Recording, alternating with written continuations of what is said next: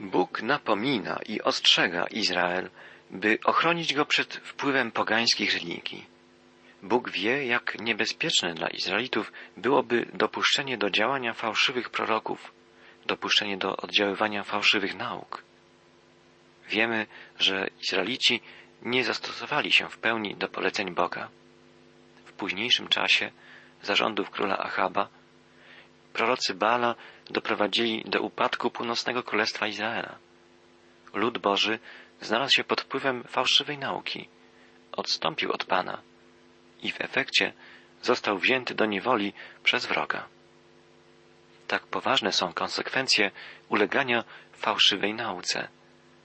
Czytamy od wiersza siódmego w trzynastym rozdziale Księgi Powtórzonego Prawa takie słowa.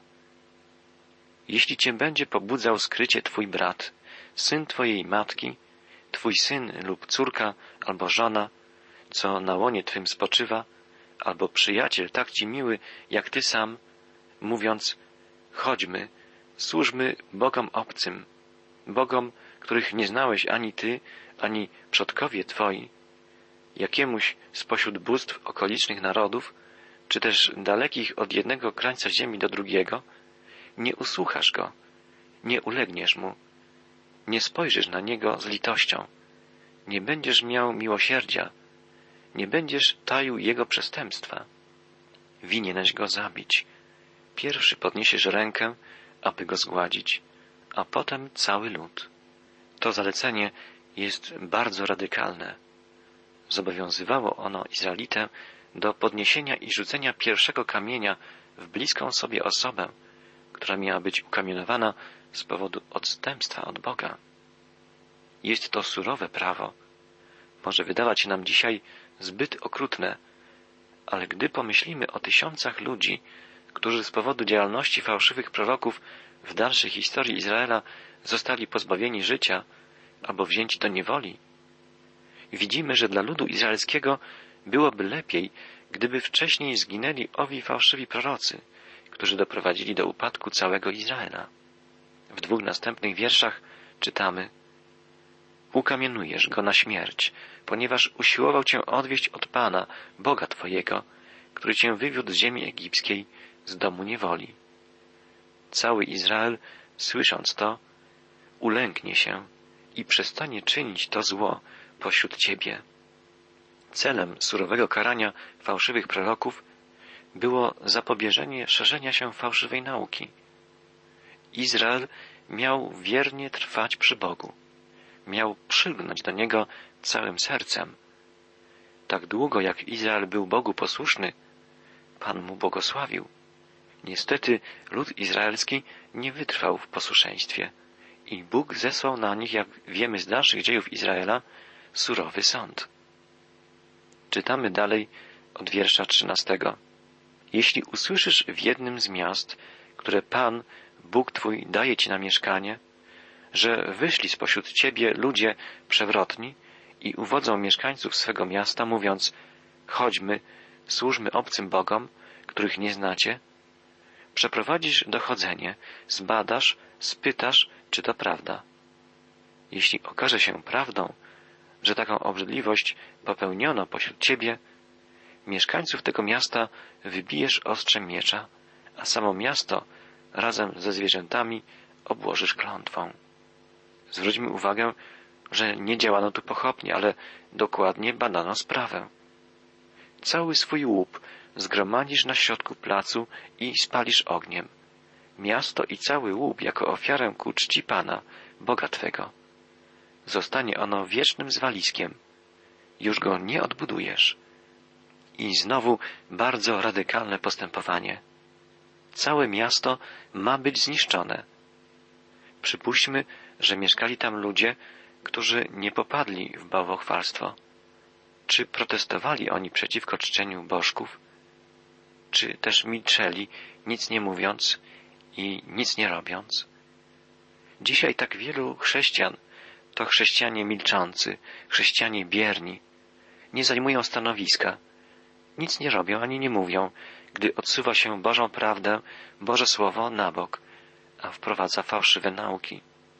Żyjemy w społeczeństwie, gdzie wielokrotnie trzeba by zaprotestować, kiedy widzimy, jak wiele rzeczy dzieje się niezgodnie z Bożą prawdą. Trzeba przeciwstawiać się złu. Trzeba ratować ludzi przed złem. Przede wszystkim sami musimy trwać przy Bogu i unikać zła.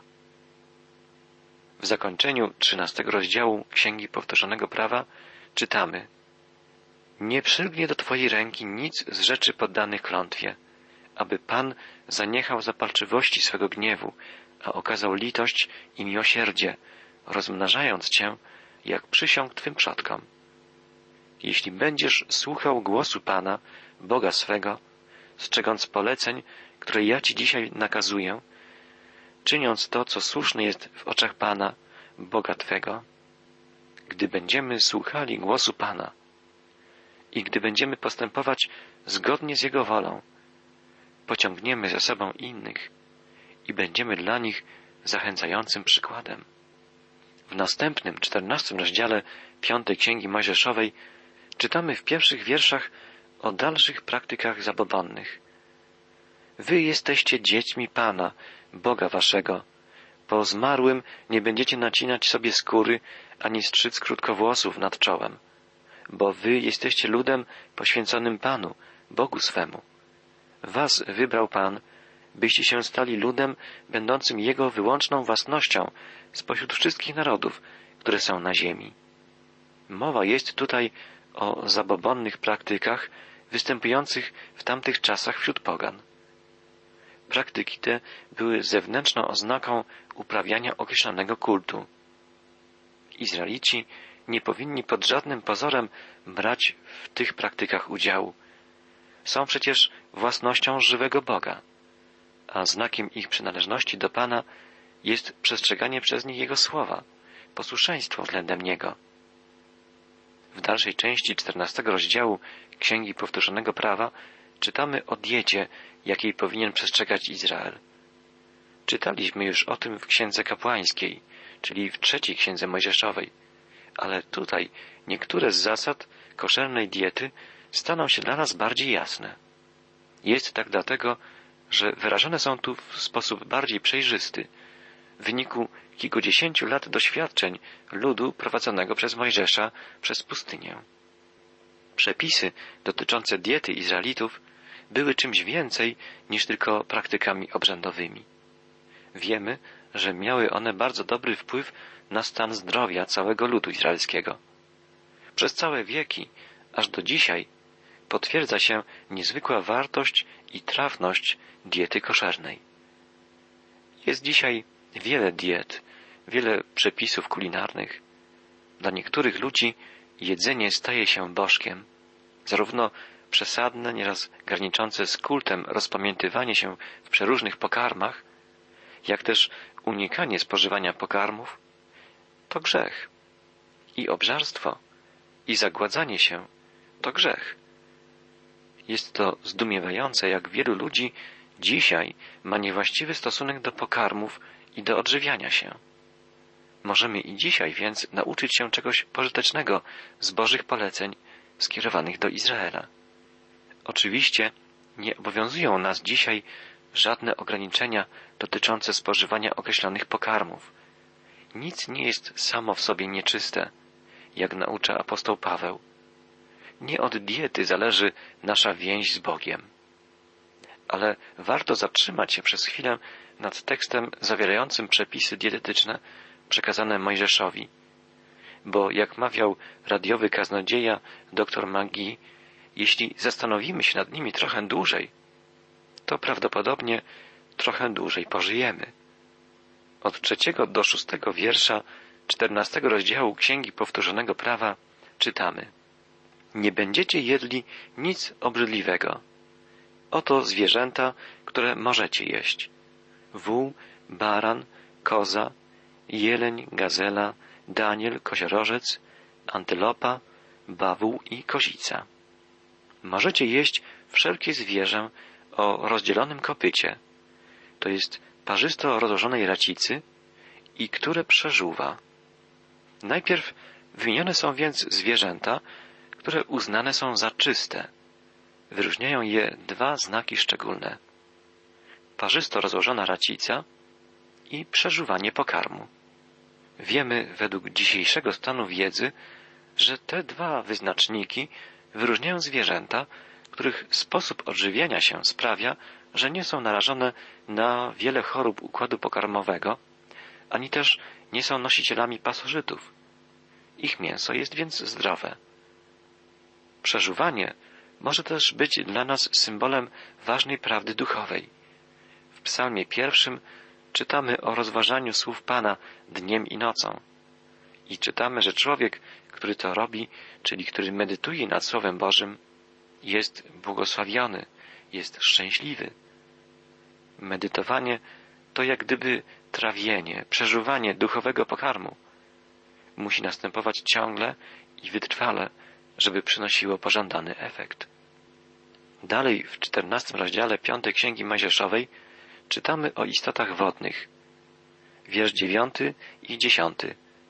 Z tego, co jest w wodzie, będziecie spożywali wszystko, co ma płetwy i łuski, a nie będziecie spożywali nic z tego, co nie ma płetw i łusek. Uważać to będziecie za nieczyste. Stworzenia wodne muszą charakteryzować się dwoma widocznymi cechami. Muszą mieć płetwy i łuski. Są to dwie bardzo oczywiste i łatwe do identyfikacji cechy ryb. Rybie mięso jest mięsem bardzo zdrowym. Następnie mowa jest o ptakach. Czytamy od wiersza jedenastego. Wszelkie ptactwo czyste jeść możecie. Tych zaś spośród ptaków jeść nie będziecie. Orła, sępa, orła morskiego, wszelkich odmian kani, sępa i sokoła, żadnego gatunku kruka, strusia, sowy, mewy, żadnej odmiany jastrzębia, puszczyka, ibisa, łabędzia, pelikana, nurka, ścierwika, bociana, żadnej odmiany czapli, dudka i nietoperza. Jak widzimy, nie spożywano ptaków drapieżnych, ani tych, które żywią się padliną. Oczywiście wszystkie powyższe polecenia dotyczące zwierząt lądowych, wodnych i ptaków, wszystkich tych zwierząt, które znajdują się w powietrzu, dzisiaj te przepisy nas nie obowiązują. Mogą być dla nas jedynie wskazówką w wybieraniu dobrej, zdrowej diety. W końcowej części czternastego rozdziału Księgi Powtórzonego Prawa czytamy o zasadach składania dziesięcin, czyli dziesiątej części dochodów czy dóbr. Przeczytajmy dwudziesty drugi i dwudziesty trzeci wiersz. Złożysz dziesięcinę z plonu wszelkiego nasienia, z tego, co rokrocznie ziemia rodzi. Będziesz spożywał w obliczu Pana, Boga swego, na miejscu, które sobie obierze na mieszkanie dla imienia swojego, dziesięcinę z Twego zboża, moszczu, oliwy, pierworodne z bydła i trzody, abyś po wszystkie dni nauczył się bać Pana, Boga swego. Bóg obiecał Izraelitom, że będzie im błogosławił, gdy będą mu wiernie służyć. Wyrazem posłuszeństwa względem Pana miało być składanie mu w ofierze co roku dziesiątej części swoich plonów i spożywanie tej dziesięciny przed Panem w miejscu świątynnym. Było to szczególne świętowanie i ucztowanie przed Panem. Dalej czytamy, jeśli daleka będzie Twoja droga, nie zdołasz tego zanieść, ponieważ daleko będzie miejsce, które sobie obierze Pan, Bóg Twój, by tam umieścić swe imię. Gdy Pan, Bóg Twój będzie Ci błogosławił, zamienisz dziesięcinę na srebro, weźmiesz srebro w sakiewce do ręki i pójdziesz na miejsce, które sobie obierze Pan, Bóg Twój. Kupisz tam za srebro wszystko, czego pragnie Twoja dusza. Większe i mniejsze bydło, wino, wszystko, czego życzy sobie Twoja dusza i spożyjesz tam w obliczu Pana, Boga swego. Będziesz się cieszył, Ty i Twoja rodzina. Gdy Izraelita żył zbyt daleko od świątyni, aby zanieść tam swoją dziesięcinę z płodów rolnych, mógł dziesiątą ich część sprzedać, a za srebrne monety w ten sposób uzyskane kupić zwierzęta lub produkty roślinne na ofiarę, wtedy gdy miał okazję przybyć do świątyni. Mógł kupić za te pieniądze dowolne produkty i spożywać je przed Panem z całą rodziną. Z pewnością były to radosne chwile społeczności ze sobą i z Bogiem, któremu w ten sposób wyrażano wdzięczność za błogosławieństwo, za opiekę.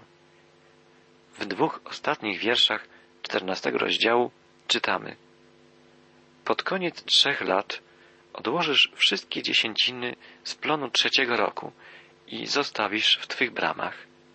Wtedy przyjdzie Lewita, bo nie ma działu ani dziedzictwa z Tobą, obcy, sierota i wdowa, którzy są w Twoich murach, i będą jedli i nasycą się, aby Ci błogosławił Pan, Bóg Twój, w każdej pracy Twej ręki, której się podejmiesz.